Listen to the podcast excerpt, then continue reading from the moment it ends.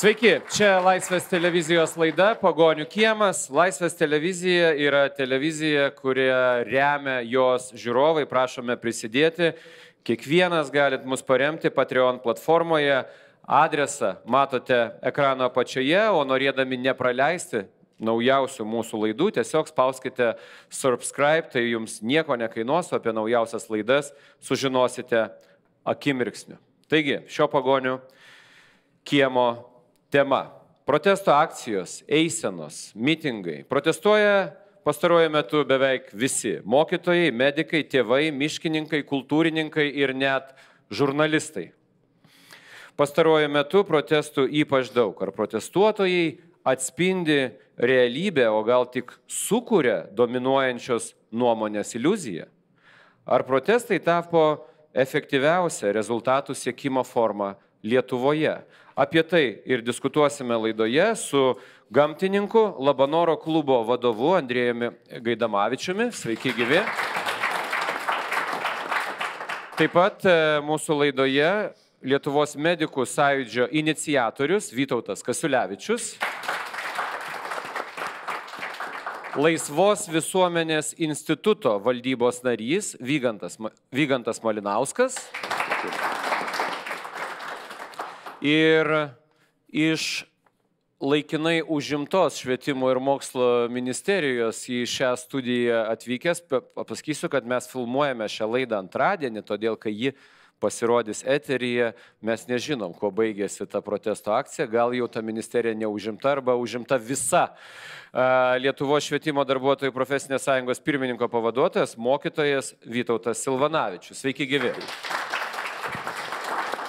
Taigi, e, tokia tema, tokie pašnekovai. Keletą e, dalykų turbūt norėčiau visiems e, priminti, kas gal netidžiai stebi. E, viešasias aktualijas, kelios eisenos Lietuvoje pastaruoju metu, pavyzdžiui, dėl miškų išsaugojimo. Žygis Labanore, keli tūkstančiai žmonių su vėliavomis, būgnais, skanduotėmis. Praėjusią sekmadienį eisena nuo katedros iki Seimo vėl apie pusantro tūkstančio dalyvių. Esmė prieš plynus miškų kirtimus, už kirtimo normų mažinimą. Jeigu suklydau apie esmę, jūs mane pataisysite. Vilniuje šiuo metu e, sausį dėl medikų atlyginimų susirinko per tūkstantį žmonių, dauguma jauni medikai. Medikai į mitingą rinkosi su lagaminais, simboliškai pasakydami, kad esamomis sąlygomis e, emigracija jiems vienintelė galimybė. Pernai sausio pabaigoje brutaliai tėvų užmuštas keturmetis matas išprovokavo visuomenę išeiti į gatves ir reikalauti visiško smurto prieš vaikus uždraudimo, geresnės vaiko teisių apsaugos, visuomenės spaudžiami politikai vienbalsiai priemė vaiko, e, naująjį vaiko teisų apsaugos įstatymą. Praėjo pusmetis nuo naujo įstatymo įsigaliojimo, visuomenė vėl sukylo, šį kartą jau prieš šį įstatymą. Vienas mitingas spalio mėnesį, jame e, dalyvavo keli šimtai žmonių, paskutinis lapkričio pabaigoje, kuriame dalyvavo jau turbūt apie keturis tūkstančius žmonių. Facebooko grupėje vieningi tėvai už stiprią ir saugę šeimą Lietuvoje beveik 70 tūkstančių narių. Na ir mokytojų streikas streikuoja dabar apie 100 mokyklų. Mokytojai savaitę užėmė švietimo ir mokslo ministeriją, miega ant žemės, ant šių žinių uždarius duris, lipo pro langą ir taip toliau. Gal pabandykime uh, pasakyti iš pradžių, ko tuo uh, pasiekėm. Apie mokytojus dar nekalbu, nežinia, ko jie pasiekė, bet Seimas priiminėja atitinkamus įstatymus dėl miškų apsaugos, švietimo, sveikatos apsaugos ministerija uh, parengė mokytojų atlyginimų, didin, mediko atlyginimų didinimo planą, jisai nuosekliai didėja, didės ir ateityje. Aišku, turbūt medikai nebūtinai su tuo sutinka, po protestų keičiami įstatymai, vėl iš dalies atsukant rodiklį atgal dėl vaiko teisų apsaugos, toks priimamas kompromisinis variantas ir vieniem ir kitiem. Tai efektyvus būdas spręsti klausimus. Gal nuo miškininkų pradėkim. Protestai, kaip jūs matot? Tai yra pilietiškumo parodimas. Ir protestai kiekvienoje demokratiniai šalyje yra normalus savo teisų reikalavimo būdas. Ir tai, kad lietuviai yra santūriausia, viena iš santūriausių pasaulio tautų, tai mes dėl to labai ilgai mėgojame. Ir vadžygis tas labanorė, E, kur buvo spalio 13 dieną, tai jis parodė. Kad... Įspūdinga, tiesą sakant, mm. ma, aš mačiau tik nuotraukas, mm. net e, taip, o, kiek čia metų praėjo, kai Lietuvoje tokių dalykų taip. a, nėra buvę, ar ne? Pasimatė, kad užaugo nauja karta, nes buvo labai daug jaunimo. Ir va ta nauja karta, jinai visai kitaip žiūri savo ateitį, jinai nori spręsti, kokia bus jos ateitis. Ir tos e, saugomos teritorijos, tai anksčiau jeigu žmonėm asocijavosi su draudimais, kad kažko negalima daryti, dabar tai tiesiog asocijuojasi su prestižu valstybės vizitinė kortelė, kur gali svečią iš užsienio atvežti ir parodyti, kokia yra Lietuvos natūrali gamta, kokius mes turtus turime. Ir kai tu matai, kad tą turtą prarandi vardan e, trumpalaikio ekonominio intereso, aukodamas galbūt pelningesnį ekonominį interesą dėl turizmo ir taip toliau, tai savaime užverda kraujas ir norisi protestuoti. Aš pats buvau praradęs viltį dėl Labanoro gyrios, nes iš tikrųjų 20 metų jau kovoju dėl jos, vis rašau straipsnius ir kaip į sieną. Ir jau galvojau, viskas baigsiu tas protesto akcijas, bet mane paskatino vėl prisijungti prie tų žygių emigravę žmonės emigravę jauni žmonės, kurie grįžo į Lietuvą pagal įvairias programas ten, kur kurkime ateitį Lietuvoje, net ten viena tokia mergina Monika Pildavičiūtė net iš Seulo grįžo į Lietuvą ir pradėjo visus judinti, dar ne viskas prarasta, čia neužmykim, mes žinot, kai čia vietoje verdam savo sultyse, tai mums viskas čia atrodo niurom spalvom, viskas blogai ir Ir kai gavau iš jos va tokį spirinus, tikrai sakau, dar ne viskas prarasta, reikia bandyti, bandyti kovoti, nes aš kiek matęs aplinkos ministrų, tai dabar jau įsitikinau, kad visiškai nesvarbu, kas bus ministrų, svarbiausia, kiek reikli bus visuomenė, kiek visuomenė norės tos gamtos saugos, tiek jos ir bus. Na ir e, vis dėlto apie efektyvumą e, tokių akcijų suprantu, kad e, mes turbūt dabar galim net nediskutuoti apie patį turinį reikalavimų, nes tada reikėtų mums žinoma ir antros pusės, ir netgi, nežinau, medžio apdirbimo pramonės atstovų ir daugybės e, skirtingų žmonių, kurių požiūriai turbūt yra e, skirtingi visiškai arba bent jau šiek tiek skiriasi, bet kaip rezultato siekimo forma. Jūs turbūt matot, kad tai suveikia. Daugiau suveikia kaip investicija į tą rezultatą, nes mes suprantam, kad laukia labai ilga ir reiks daug kantrybės, reiškia, kad pasiekti, kad bent jau saugomose teritorijose nevyktų plini kirtimai, kas kitose valstybėse seniai jau uždrausta yra. Bet, na, kai tu matai tokį milžinišką palaikymą, kai aš kiekvieną dieną gaunu dešimtis žinučių, palaikau tave, taip toliau reiškia. Ir iš užsienio žmonės, va ir tą gruodžio pirmą dieną, kur darėmės tokį pasiaukojimą junti žmonių, kad net ir per šaltį eina ir atvažiuoja net iš Anglijos specialiai dviem dienom, kad reiškia sudalyvauti tam visam procese, kur visuomenė priima sprendimus. Visuomenė priima sprendimus ir politikai tame turi tik tiesiog dalyvauti ir į tai atsižvelgti. Pone Kasilevičiu, aš aišku nenoriu e, turbūt e, suteikti jums na, E, visos šlovės e, už tą naują bangą, bet panašu, kad medikų sąjūdis buvo tokia pirma kitokia e, banga protestų. Pirmieji pradėjot. Ir jaučiat, kad pasirinko teisingą kelią? Na, be abejo, nes turbūt nėra iliuzijų, kad valdžia gali klausytis, kaip kolega sakė, be bandymo ją paveikti kaip nors. Jinai Iš pradžių su jumis net nekalbėjau, sakė, mes kalbam su tai, kita profsąjunga, kuri mums yra visai tvarkoj, o čia kažkas jūs tokie, kas čia per sąjūdis. Tai ir jokios sąjūdis. Matot, atsitiko toks dalykas, kad po nepriklausomybės, baigus sąjūdžio, tikrojo mūsų atgimimo sąjūdžio bangai, įsigalioja formalioji demokratija, kada viskas atrodo yra, egzistuoja, visi sprendimai priimami kažkaip tai, bet visuomenė juose nedalyvauja. Yra profsąjungos, kurios taip, be, taip. veikia kartu iš esmės su taip. valdžia, yra miškininkai, kurie patys kerta taip. ir, ir visiems viskas gerai. Taip, ne? nes, matot, profsąjungos tos, kurios yra, vat, ir sveikatos apsaugoje, na, ne visos, bet bent dalis, reiškia, jie turi E, tam tikrą veikimo šabloną. Jiems e, finansų ministerija pasako, kiek jie gali tikėtis kažko tai ir tada jie apie tai pradeda garsiai kalbėti.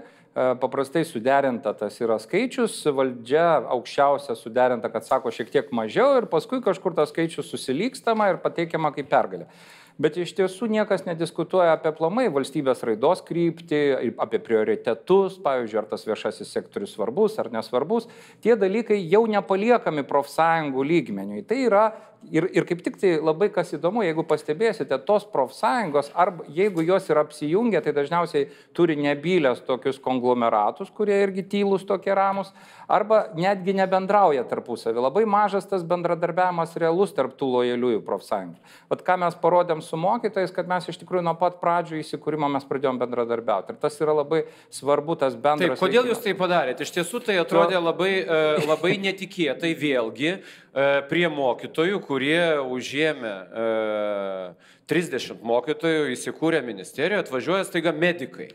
Taip, bet e, matot, esmė yra ne tame, kaip jie tą užėmė, galbūt mano asmeniniu požiūriu užėmimas nėra geriausias veiksmas, bet sakysim, esmė yra tame, kad mes esam solidarūs lūkesčiuose, reikalavimuose ir mes vienodai suprantam viešojo sektoriaus poreikį. Ir mes tarp kitko ilgainiui supratom, kad negalim atskirai veikti todėl, kad mums reikia smegenų centro kažkokio, tai reikia ekonomistų, kurie palaiko mūsų idėjas. Ir atsirado labai daug ekonomistų, kurie iškylo kaip tokie, kaip blogeriai pradžioj, bet ir dabar visur laidose jūs galite matyti tokius žmonės ir, ir kaip tą patį Raimondą Kuodį, ir Justą Mundeikį, ir, ir eilę kitų žmonių, kurie garsiai kalba apie tai, apie viešąjį sektorių, kur yra, kad, kad jo prioritetas yra labai didelės svarbos valstybei, nes be švietimo, sveikatos apsaugos ir, ir kultūros, sakysim, socialinių darbuotojų mes negalime išjudinti tos šalies ir suteikti kokybiškų paslaugų. Tai visas tas kalbėjimas, aišku, įsijungia mūsų visų interesai panašus ir, ir mes kalbam apie tą patį. Ir mums kartais net jokinga, kai valdžia visą laiką atsako ne. Jie naudoja tokį, kaip Rusijoje buvo gromykos, reiškia, ministro užsienio reikalų toks žodis ne, net. Reiškia, visą laiką atsako į, tą, į bet kokius reikalavimus ne. Ir mes tą matom, kai jūs sakote, Edmundai, ar tai efektyvu, tai ką mes darom, ne visada.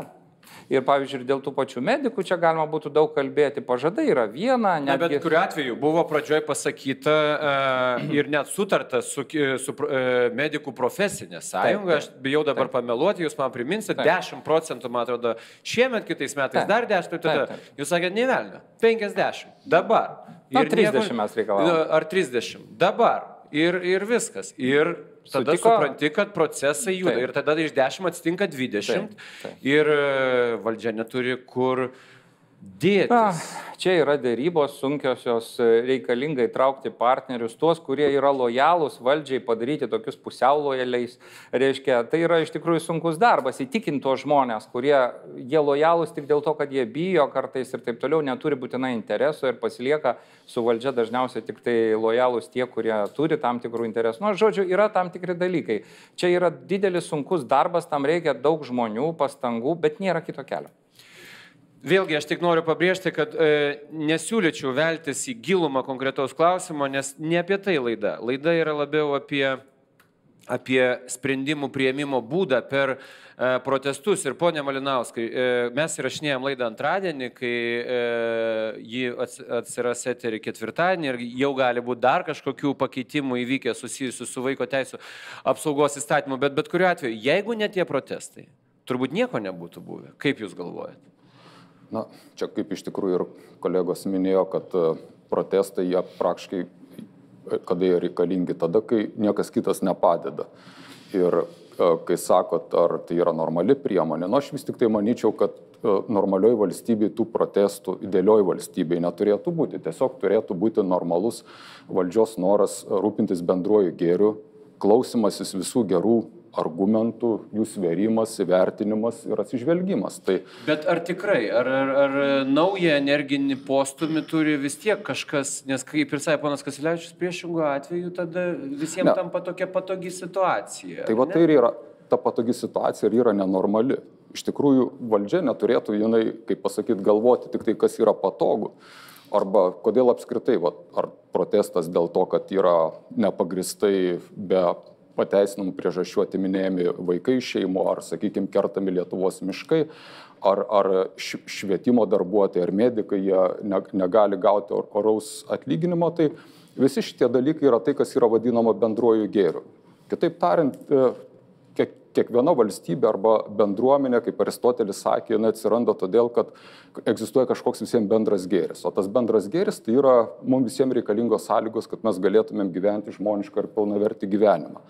Ir kai visuomenė pajunta, kad valdžia nustoja rūpintis bendrojo gėriu, o pradeda rūpintis kažkieno gėriu. Ar tai kokios nors industrijos, arba, sakykime, vienos, saky, no, viešojo sektorių, e, vienu viešojo sektoriumi, visų kitų viešojo sektorių sąskaita. E, na, ir visuomenė bando atkreipti dėmesį, juk viskas prasideda ne nuo protestų, viskas prasideda iš tikrųjų nuo kalbėjimo, nuo bandymo. Pradžioje, taip, taip, ir kai tu matai, kad tie pokalbiai nebeveikia arba tiesiog esi akivaizdžiai ignoruojamas, tai protestas lieka paskutinė priemonė. Ir ką mes tada matom? Tada matom, kad iš tikrųjų, jeigu va, pakankamai didelis kiekis žmonių protestuoja, protestuoja irgi ne kaip nors irracionaliai, bet, irracionaliai, bet racionaliai, pateikdami protingus argumentus, neisteriškai, tai tada valdžia pradeda klausytis. Ir aišku, tada atsiduriam tokiai situacijai kaip dabar, kad gaunam tokią pamoką, kad jeigu neprotestuosi, nebus išgirstas. Mokytojai dar dėl savo atlyginimų tarsi nieko uh, nepasiekė, bet ministrė jau nuėmė. E, ir tai irgi yra tam tikras na, pasiekimas ar nepasiekimas? Kaip jūs? Na, tai yra pasiekimas, jeigu tas žmogus, kuris atvedė į tokią situaciją švietimo sistemą, pašalinamas, tai irgi tam tikras pasiekimas. Jūs laiko tai pergalė, kad ministras neliko? Nu, mūsų siekiuose to nebuvo, bet e, tai Nukrito yra netrukus pakeliui, va, kaip sakant. Nu, gaila, kad čia dar trys krito prie to pačio, bet tai čia kas kita, čia mes neprie. Dar du, taip. Aš gal pagal, Taip. pabandyčiau pasakyti, kodėl atsiranda tie protestai. Pagalvokim visi kartu. Jeigu valdžia galvotų į priekį, o ne iš paskos keliolika žingsnių atgal, ar protestai būtų? Jie žinodami situaciją analizuotų ir tartųsi, ką daryti. Ar jie girdėtų? Ar mes tarėmės, kyla klausimas. Taip, tarėmės. Mes tik taip būnam viešoje erdvėje matomi tada, kai išeinam į protesto akcijas. Ir va tada tampam tokiais negerais, maištingais ir taip toliau. Bet iki to mes einame į darbo grupės, kalbam, deramės, bandom kažką pasirašyti. Vieni nekonkretų dalyką pasirašo, mes nekonkretaus nepasirašom, aš turiu galvoje apie tas kolektyvinės sutartis, analogiškai kaip ir medikai turėjo vienų profsąjungų pasirašyta, ką jinai davė. Jos yra niekinė - siekti, peržiūrėti, ieškoti galimybių pagal šalies finansinės galimybės. Nu, va, tokio turinio deklaracijos, o nesusitarimai, jie nieko neduoda. Ir lieka kaip... tas kelias, apie kurį mes šiandien kalbame. Ar jūs kaip profesinė sąjunga įkvėpė precedentai su medikais? Pa? Be abejo, be abejo. Man atrodo, tiek jų veiksmai, tiek mūsų anksčiau daryti veiksmai įkvėpė ne tik mus, bet ir kitus. Ir va dabar girdėjau ir kitą profsąjunga jau prisijungė prie mūsų to jau kraštutinės protesto akcijos, streiko, kaip vadinu, jau čia, kai mitingai eisenos jau išnaudota. Mes irgi su lagaminais keliavome iš ministerijos į vyriausybę. Praeiti visai etapai, liko šitas. Ką tai rodo apskritai? Tai rodo valdžios negebėjimą modeliuoti situacijos, modeliuoti keisti įstatymus laiku, o ne po fakto.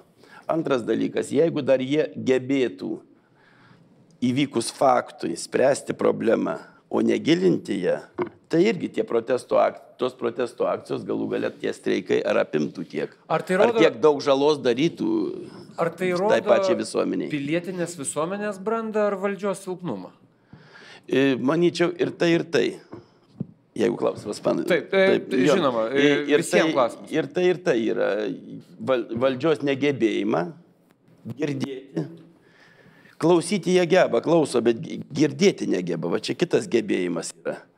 E, o mūsų veiksmai tikrai ugdo manyčiau, pilietišką visuomenę, ypač mokytojų. Mes turim pilietiškumo pamokas, Taip. bet va gyvos pamokos veikloje, man atrodo, mokiniams, va, jaunai kartai turėtų būti. Taip, kitiems tas pats, Pagaslečiu, prašau. Iš tikrųjų, tai Edmundas kaip pradžioj uždavė kitą dar klausimą, reiškia, kaip, kaip, kas iš tikrųjų tas protestas, reiškia, tai aš galvoju, kad uh, tas protestas jisai, mm, na, yra gera forma ta prasme, kad jis yra ir kitose šalise. Tai demokratinėse, kurios turi patirtį ir viskas ten tvarkoj. Valdžia negeba niekur. Jinai visada stengiasi daryti taip, kaip jinai susiplanavus, nes jinai ten aplink ją visada yra žmonės, kurie geriau žino medžioklių klubų draugai, ten dar kas nors, jie visi žino geriau. Reiškia, ir jie susiplanuoja viską kaip reikia. Klausimas yra, kiek gali įtakoti visuomenę kiek gali paveikti. Tai vad, e, kaip kad paveiktų tą visuomenę, tai reikia, kad e, auktų tas judėjimas, tas protesto aktyvumas, aišku, būtų civilizuotas, bet turi būti platesnis ir didesnis.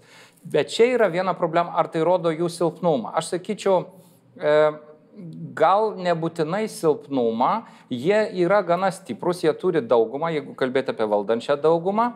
Klausimas, kiek jie naudoja įvairius instrumentus malšinti, reiškia, o, na, tokiem e, viešojo sektoriaus judėjimam.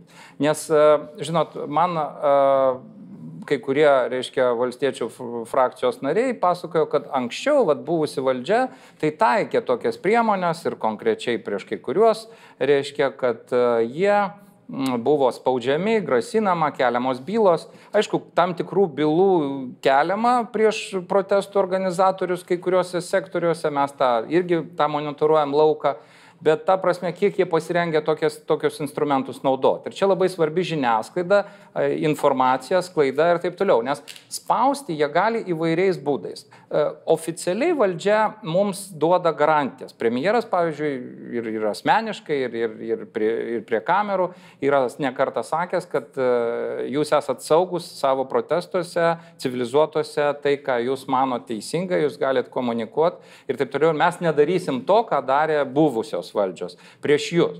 Bet e, mes, nei, mes daug susidurėm su signalu vietinėse darbovietėse, kur vienaip ar kitaip žmonės aktyviai dalyvaujantis, pavyzdžiui, medikų sąjūdį ir taip toliau, jie patiria tam tikro spaudimo. Pavyzdžiui, na, tarkim, jie netenka skyrių vedėjų vietų arba ten, pavyzdžiui, jie sakysim, tikrinami ypatingai žiūrima jų darbo grafikas. Pavyzdžiui, įstaigoje skyriui niekas netikrinama, bet tas žmogus, kuris dalyvauja, visą laiką patikrinama ir jam dažniausiai deleguojamos užduotis. Jeigu jis tik turi eiti į mūsų kažkokią tai tarybos posėdį ar dar ką, tai jis gauna užduotį eiti, pavyzdžiui, ministeriją, kokiu nors klausimu visiškai nesusijusiu su tais reikalais.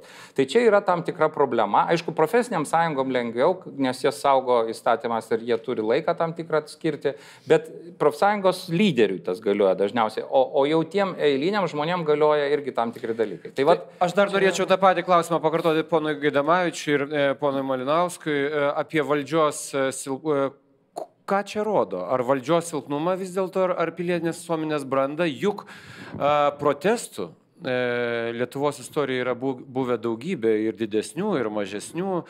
Ir aš ir vakar e, vienoje iš e, laidų minėjau, e, turbūt prieš gerus dešimtmetį, dar kai Dalia Grybauskaitė buvo finansų ministrė, tai dar, dar daugiau metų Algirdo Brazausko vyriausybei, žemdirbiai buvo užblokavę kelius. Atsimenat. Ir kokia buvo jos laikyti. Stovėkit kiek norit, nei vieno cento nebus, atvažiuos policija visus išvaikys.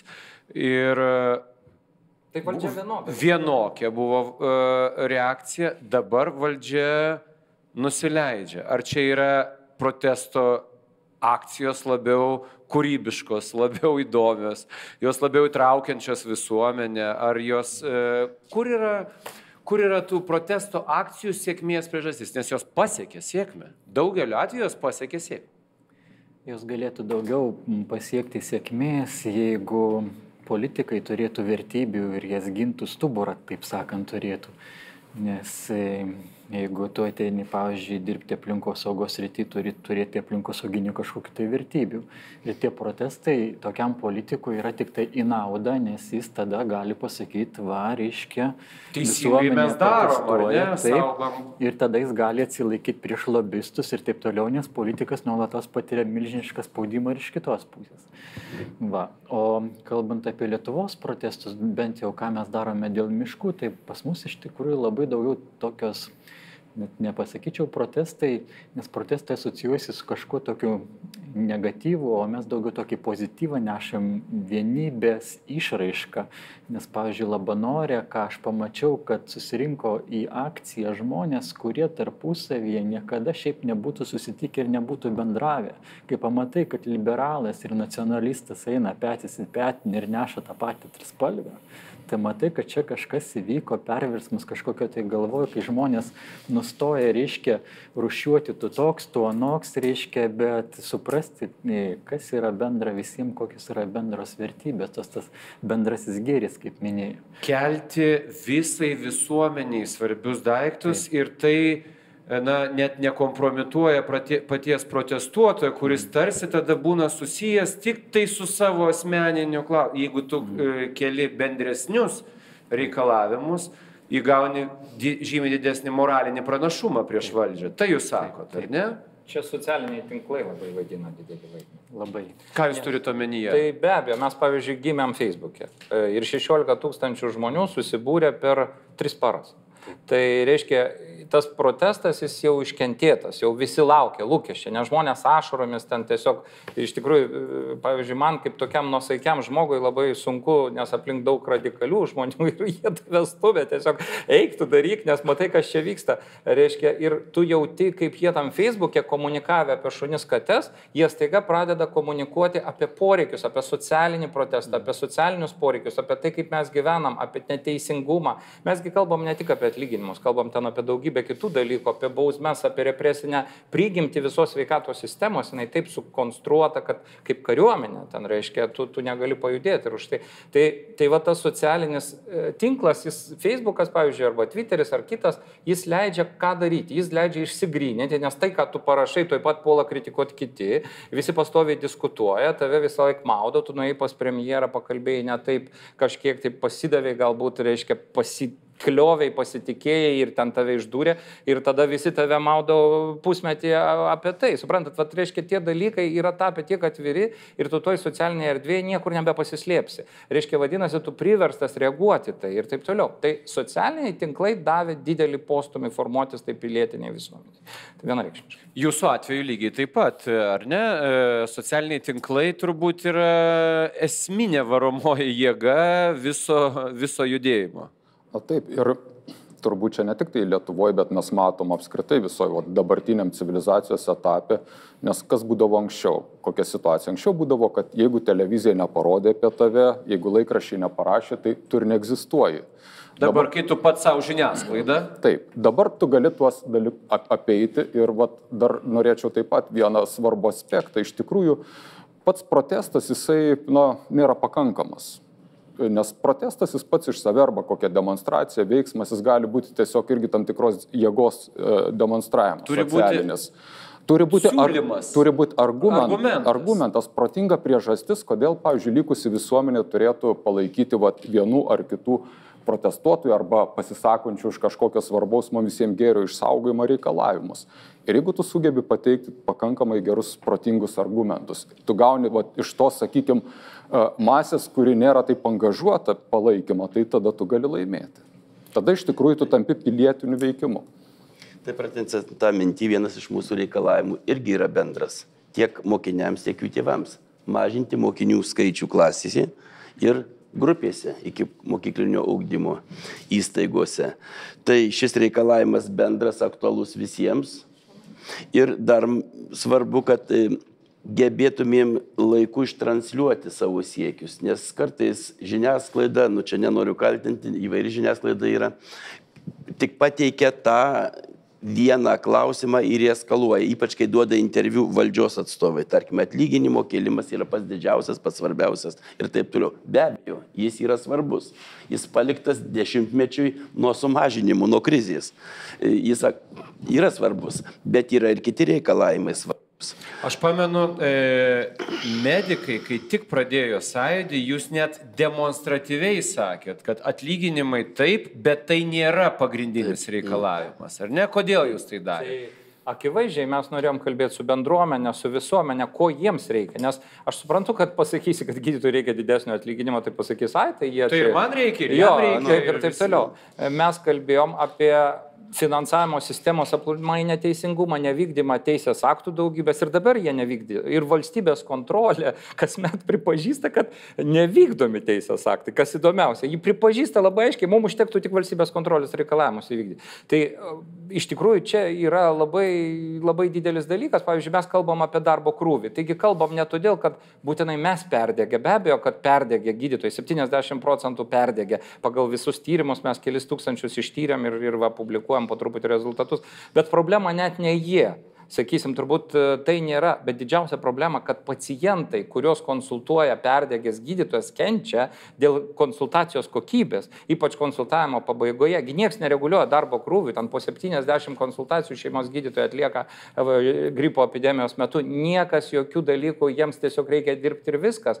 Ir, ir mes matom e, tokią situaciją. Tai reiškia, kenčia gyvi visuomenė. Vat, aišku, mums sunku kartais ištransliuoti, nes be abejo, kad žiniasklaida pasigauna tą atlyginimo problemą problemą dydžio, kiek ten procentų, nes jie irgi nesupranta. Dydį lengviausia pristatyti taip, visuomeniai. Taip, nes, nes to ir nesupranta. Bet, žinot, su žurnalistais reikia daug dirbti ir kalbėti ir yra labai protingų ir gerų žmonių, kurie išsiklauso, atsirenka ir taip toliau. Jeigu jie nevykdo kažkokio užsakymo ar projekto, tai jie tikrai visada išnagrinės tą temą ir puikiai. Pone Gaidamavičiu, suprantu, kad iš to, kas e, dabar vyksta, galima prognozuoti tik vieną dalyką. Kad protesto akcijų Lietuvoje daugės, uh, jos uh, turėtų būti maksimaliai visuomeniškos, atspindėti kiek įmanoma didesnį interesų ratą, bet iš to, kas vyksta, mes pereinam akivaizdu į tam tikrą naują piliečių ir valdžios bendravimo, bendradarbiavimo formą, ar ne? Taip, ir dar norėčiau pridėti prie to, ką visi šneka, iš tikrųjų bendras siekis tai yra didesnė reikalaujam tiesiog daugiau pagarbos viskam. Gamtai, mokytojui, medikui, šeimai, viskam reiškia daugiau pagarbos, nes valdžia tarptų skaičiukų dažnai pa, pamiršta tą tokį labai svarbų elementarų dalyką ir kai nelieka tos pagarbos, tai tada kyla ir tie protestai. O šiaip iš tikrųjų visuomenė, jeigu jinai bus ori, jinai mokės pareikalauti, kaip aš minėjau anksčiau, visiškai nesvarbu, koks bus politikas, svarbiausia, koks bus visuomenės, nes ten, žinot, kartai susidaro įspūdis, kad Lietuva apskritai tik tai viena partija. Reiškia partija, kur tiesiog siekia valdžios. Nes e, atėjusi į valdžią, ta partija, reiškia, pamiršta savo tą rinkiminę programą ir visuomeniai pastovi reikia pri, priminti, nes vis, vis, vis dėlto dabar jau, jau net tie, tie laikai, kai balsuodavo už politiką vien dėl to, kaip jis atrodo, bet ir už tai, ką jis kalba.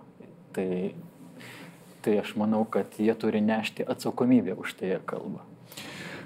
Jūs nejaučiat, kad jūs e, kaip į tam tikrą besiformuojantį galios centrą žiūri kaip į konkurentą? Valdžia. Jeigu į tam tikrus procesus, jeigu mes, su kuriais jūs ateinate.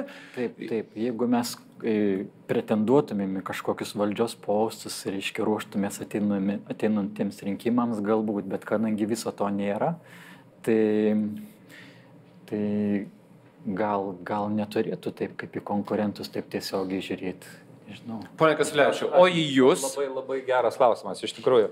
Aš pastoviai yra testuojamas, esu, reiškia, ar ketinu įti politiką. E, yra problema toj sanklodoj nusistovėjusiai, kad žmonės, ką nors darantis dėl viešojo gėrio, dažniausiai arba bent jau deklaruojantis, tai būtinai eina į politiką. Politika, ta prasme, politinių partijų sudėti į Seimą ir, ir turėti dar daugiau galios ir taip toliau. E, valdžia, Visi klausinėja, ir žurnalistų, taip, ir visuomenininkų, kada jūs eisite, taip, niekas ten gal net neketina eiti. Apie ką ir kalba, vad ką gali valstiečiai, iš tikrųjų jie turi fantastinę galimybę de, leisti demokratizuoti visuomenę realiai, pervesti iš formaliosios į realią demokratiją. Ir jeigu jie pasirinktų šitą paradigmą, jie eitų į istoriją istoriją. Jeigu jie žiūrės... Ką jūs turite omeny? Praplėskite. Ta prasme, labai paprastai. E, jie turėtų į visus tokius judėjimus kaip mūsų ar miškininkai, pagaliau visi mes keturi čia sėdintis dėl to, kad valdžia nerodė lyderystės jokios šitoj problemai ir jie tiesiog administraciniais metodais sprendė. Bet, bet e, ta prasme, jie galėtų į mus žiūrėti kaip į partnerius. Jie turėtų pateikti ne kaip priešininkas, konkurentas, bet kaip partneris, kuris gal nepatogus, gal jis kalba ne taip, ne visada linksi gal. Bet tam reikia pakeisti esminį principą, tai, kad valdžia nevaldo, o tarnauja. Tai tam reikia čia galvoje, tai. turi įvykti esminis lūžis. Nes dažniausiai, ką jie klausia, jie sako, tai tave čia Landsbergis ar Palutskas atsiuntė, tik vienas klausimas mums rūpi. Reiškia, ir aš niekaip negaliu to paneigti jiems, nes jie tiesiog įsitikinę, jie gyvena toj paradigmoje. Tai vad, jeigu jie šitą išmestų ir pagalvotų, kad tie judėjimai, kurie čia atsiduria, ar kad ir labai nepatogus, ar ne, kad ir mes nesutinkam, mes galim, pavyzdžiui, nesutart tarpusai, bet mes esam interesų reiškėjai, grupių tam tikrų ir leiskim mums gyventi, nepersekiokite, leiskite tiesiog gyventi. Mes kažkokiu būdu komunikuodami tą, iš tikrųjų, vat, kas viešojo sektoriaus mes padarėm, vat, kartu su mokytojais, gerą dalyką, opozicijos dienotvarkė pasikeitė. Žiūrėkit, jie kalba tą, ką mes pradėjom kalbėti per savo visus tos mitingus ir taip toliau, apie tai, kad turi būti kitokia mokesčių politika. Jis gera dabar ar bloga, bet jinai turėtų būti pakeista, pervedant į tą viešojo sektoriaus e, prioritetą. Reiškia, vietoj tų po 20-30 eurų visiems. Tai ta prasme, bet čia yra vertybinė diskusija, gali mes ją pralaimėti ar ne, bet jau mes dienotvarkę suformavom. Bet nuo to mums tik blogiau pasirodo, nes jeigu opozicija perėmė mūsų mūsų dienotvarkė, tai reiškia, tai mes čia ir, kalti. jo, mes čia veikiam su jais, kad jie užimtų valdžią ir tada stabdoma šitą dienotvarkę. Bet čia yra visiškai neteisinga. Jaučiat, e, ponė Malinauskai, e, kad e, esate siejamas su kažkokia tai politinė jėga ir nešate ir kiti įtarė, kad jūs siekiat tiesioginės naudos kokiam nors politiniam galios centrui. Taip, ir turbūt blogiausia yra tai, kad tie žmonės, kurie yra valdžioje arba kurie priklauso irgi tam tikrom politiniam jėgom, jie negali patikėti, kad žmonės čia turi autentišką rūpestį, kad jų yra tikrai autentiška racionalią priežastį rūpintis kažko. Jiem atrodo, kad jie yra, vėlgi, kaip ir jie patys valdžia, jūs sakot, valdžia turi tarnauti. Jie ir tarnauja, bet jie kam tarnauja? Jie tarnauja tam tikrom interesų grupėm. Jie tarnauja ne bendrajam gėriui. Ir jiem atrodo, kad va, visi protestuoti ar keliantis, kad jie irgi nori kažkokią vėlgi palaikyti politinę valdžią. Tai man atrodo, čia ir yra problema didžioji mūsų partijų, kad jie nesupranta žmonių, kad žmonės jie iš tikrųjų gali turėti nu, sąžiningas, normalias, protingas priežastis siekti kažkokio gėrio, o ne kažkokiam nors interesui tarnauti. Ir blogiausia tiesą sakant, kad politikai užuot bandė suprasti, kokia yra ta vidinė priežastis, jie pradeda ieškoti visokių tokių kartais net fantastinių priežasčių. Kartais prasideda tokie kaltinimai, kad čia galbūt net Kremliui yra naudinga, kad jūs čia keliate bangas, gal jūs čia kokiu nors kitų turite Mums pirmą klausimą uždavė. Sveikatos ministerijoje dėrybose, reiškia, ar jūs prieš NATO 2 procentus įrašinėjant. Aš net buvau apakęs, sakau, aš šiaip kaip pilietis palaikau valstybės įsipareigojimus, apie ką mes kalbam. Bet tas įėjimas mūsų vat, užsienio kartais net atsiranda tokių interpretacijų. Tas tiesiog labai sunku emociškai kartais būna ir tu turi aiškinti, kad kalbė apie visai kitokią valstybės sandarą. Vieną dalyką mes palėtėm ir turbūt e, e, dar turime e, keletą minučių tam tą, tą išplėtoti tarnystės ir valdymo skirtumus. Ir tai turbūt greitai nesidaro. Ir tokie tektoniniai lūžiai sąmonėje valdžios, bendraja prasme, visos valdžios, jie greitai irgi neturėtų įvykti. Kaip Jūs manot, ponia Gaidamavičiu? Tarnas ir valdovas tai yra visiškai skirtingas santykis, kas tu esi valdžioje. Ir aš bijau, kad visuomenės branda jinai juda greitesniu greičiu negu politinė branda. Toks pastebėjimas, nes, nes turėtų būti kažkaip tai vien, susivienodinę tie greičiai, tada ir nekyla tų tokių konfliktų. Bet kai visuomenės branda pralenkia politinę brandą, tai tada blogai. Ir kalbant apie pozicijas ir opozicijas, aš susiduriu su tuo pačiu dalyku. Mes palaikom dabar, pavyzdžiui, gruodžio pirmą dieną palaikėm įstatymo projektą, kuris buvo iš opozicijos. Lygiai taip pat. Ir suprantam, žinom, kad reiškia už jį Seimo nariai negali nebalsuoti vien dėl to, kad, reiškia, jis ne tos partijos yra pasiūlyta. Ir tai yra nesąmonė visiškai iš tikrųjų. Jeigu įstatymas yra geras ir tinka visiems, negali būti jokių ten, reiškia, mylių, nemylių čia.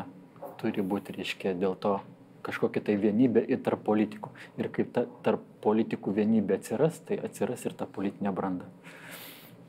Jūs jaučiat, kad e, yra, esat aiškiai įtariami, dalyvavimu politinėje veikloje. Taip, ir mes nekartą šitą jaučiam. Kiekvienoje protesto akcijoje, tarkim, prieš porą metų, kai dar ministras Pavalkis buvo, ar gal čia daugiau, trys metai praėję, buvom apšaukti ar įvardinti kaip Kremliaus agentai. Va čia tas, tas terminas ir likęs. Tai mes, netgi ministrė, matydamas mus palaikančius kitos profsąjungos solidarumo oranžinės liemenės, jų, to, jų tokia atributika, jis netgi spalvą pabrėžė, kad mes su Kremliaus sienomis labai panašus. Nus, oranžinė mums daugiau su Kijevu būtų panašu, ten oranžinės revoliucijos vykdavo.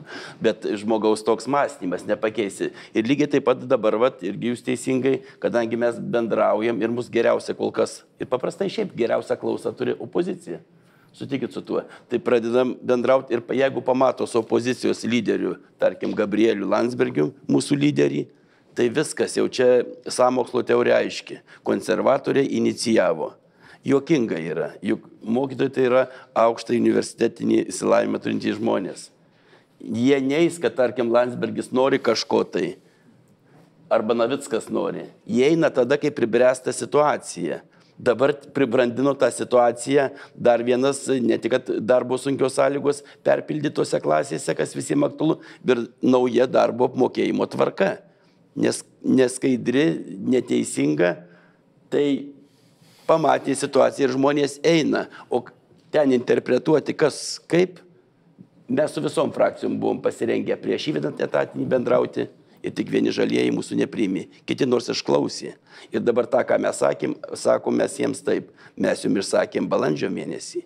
Mes protestu įspėjimuoju streiku įsakė, išsakėme tą gegužės mėnesį ir kaltinti mus, kad mes labai vėlai suformuotam biudžetui pinigų reikia dabar ieškoti, mūsų reikalavimai įteikti 17 metų lapkričio mėnesį, tai kur jau daugiau laiko, reikia siekio. Ir pabaigai, čia e, aišku, galėtumėm tęsti turbūt atskirą diskusiją e, apie tai, kuo e, ketinu pabaigti šią laidą. Kaip atskirti, kas skatina pilietinę visuomenę ir įtraukia e, didel, didelę visuomenės dalį į protestus, į tiesioginį dalyvavimą, valdžios spaudimą, o kas kelia sumaišti ir gali atrodyti kaip bandymas, pavyzdžiui, destabilizuoti situaciją valstybėje. Ga, kiekvienas matydamas tam tikrą reiškinį gali visada uh, susidaryti dviejopą įspūdį. Vienam tai atrodys kaip valstybės silpninantis, o kitam kaip valstybės stiprinantis veiksmas.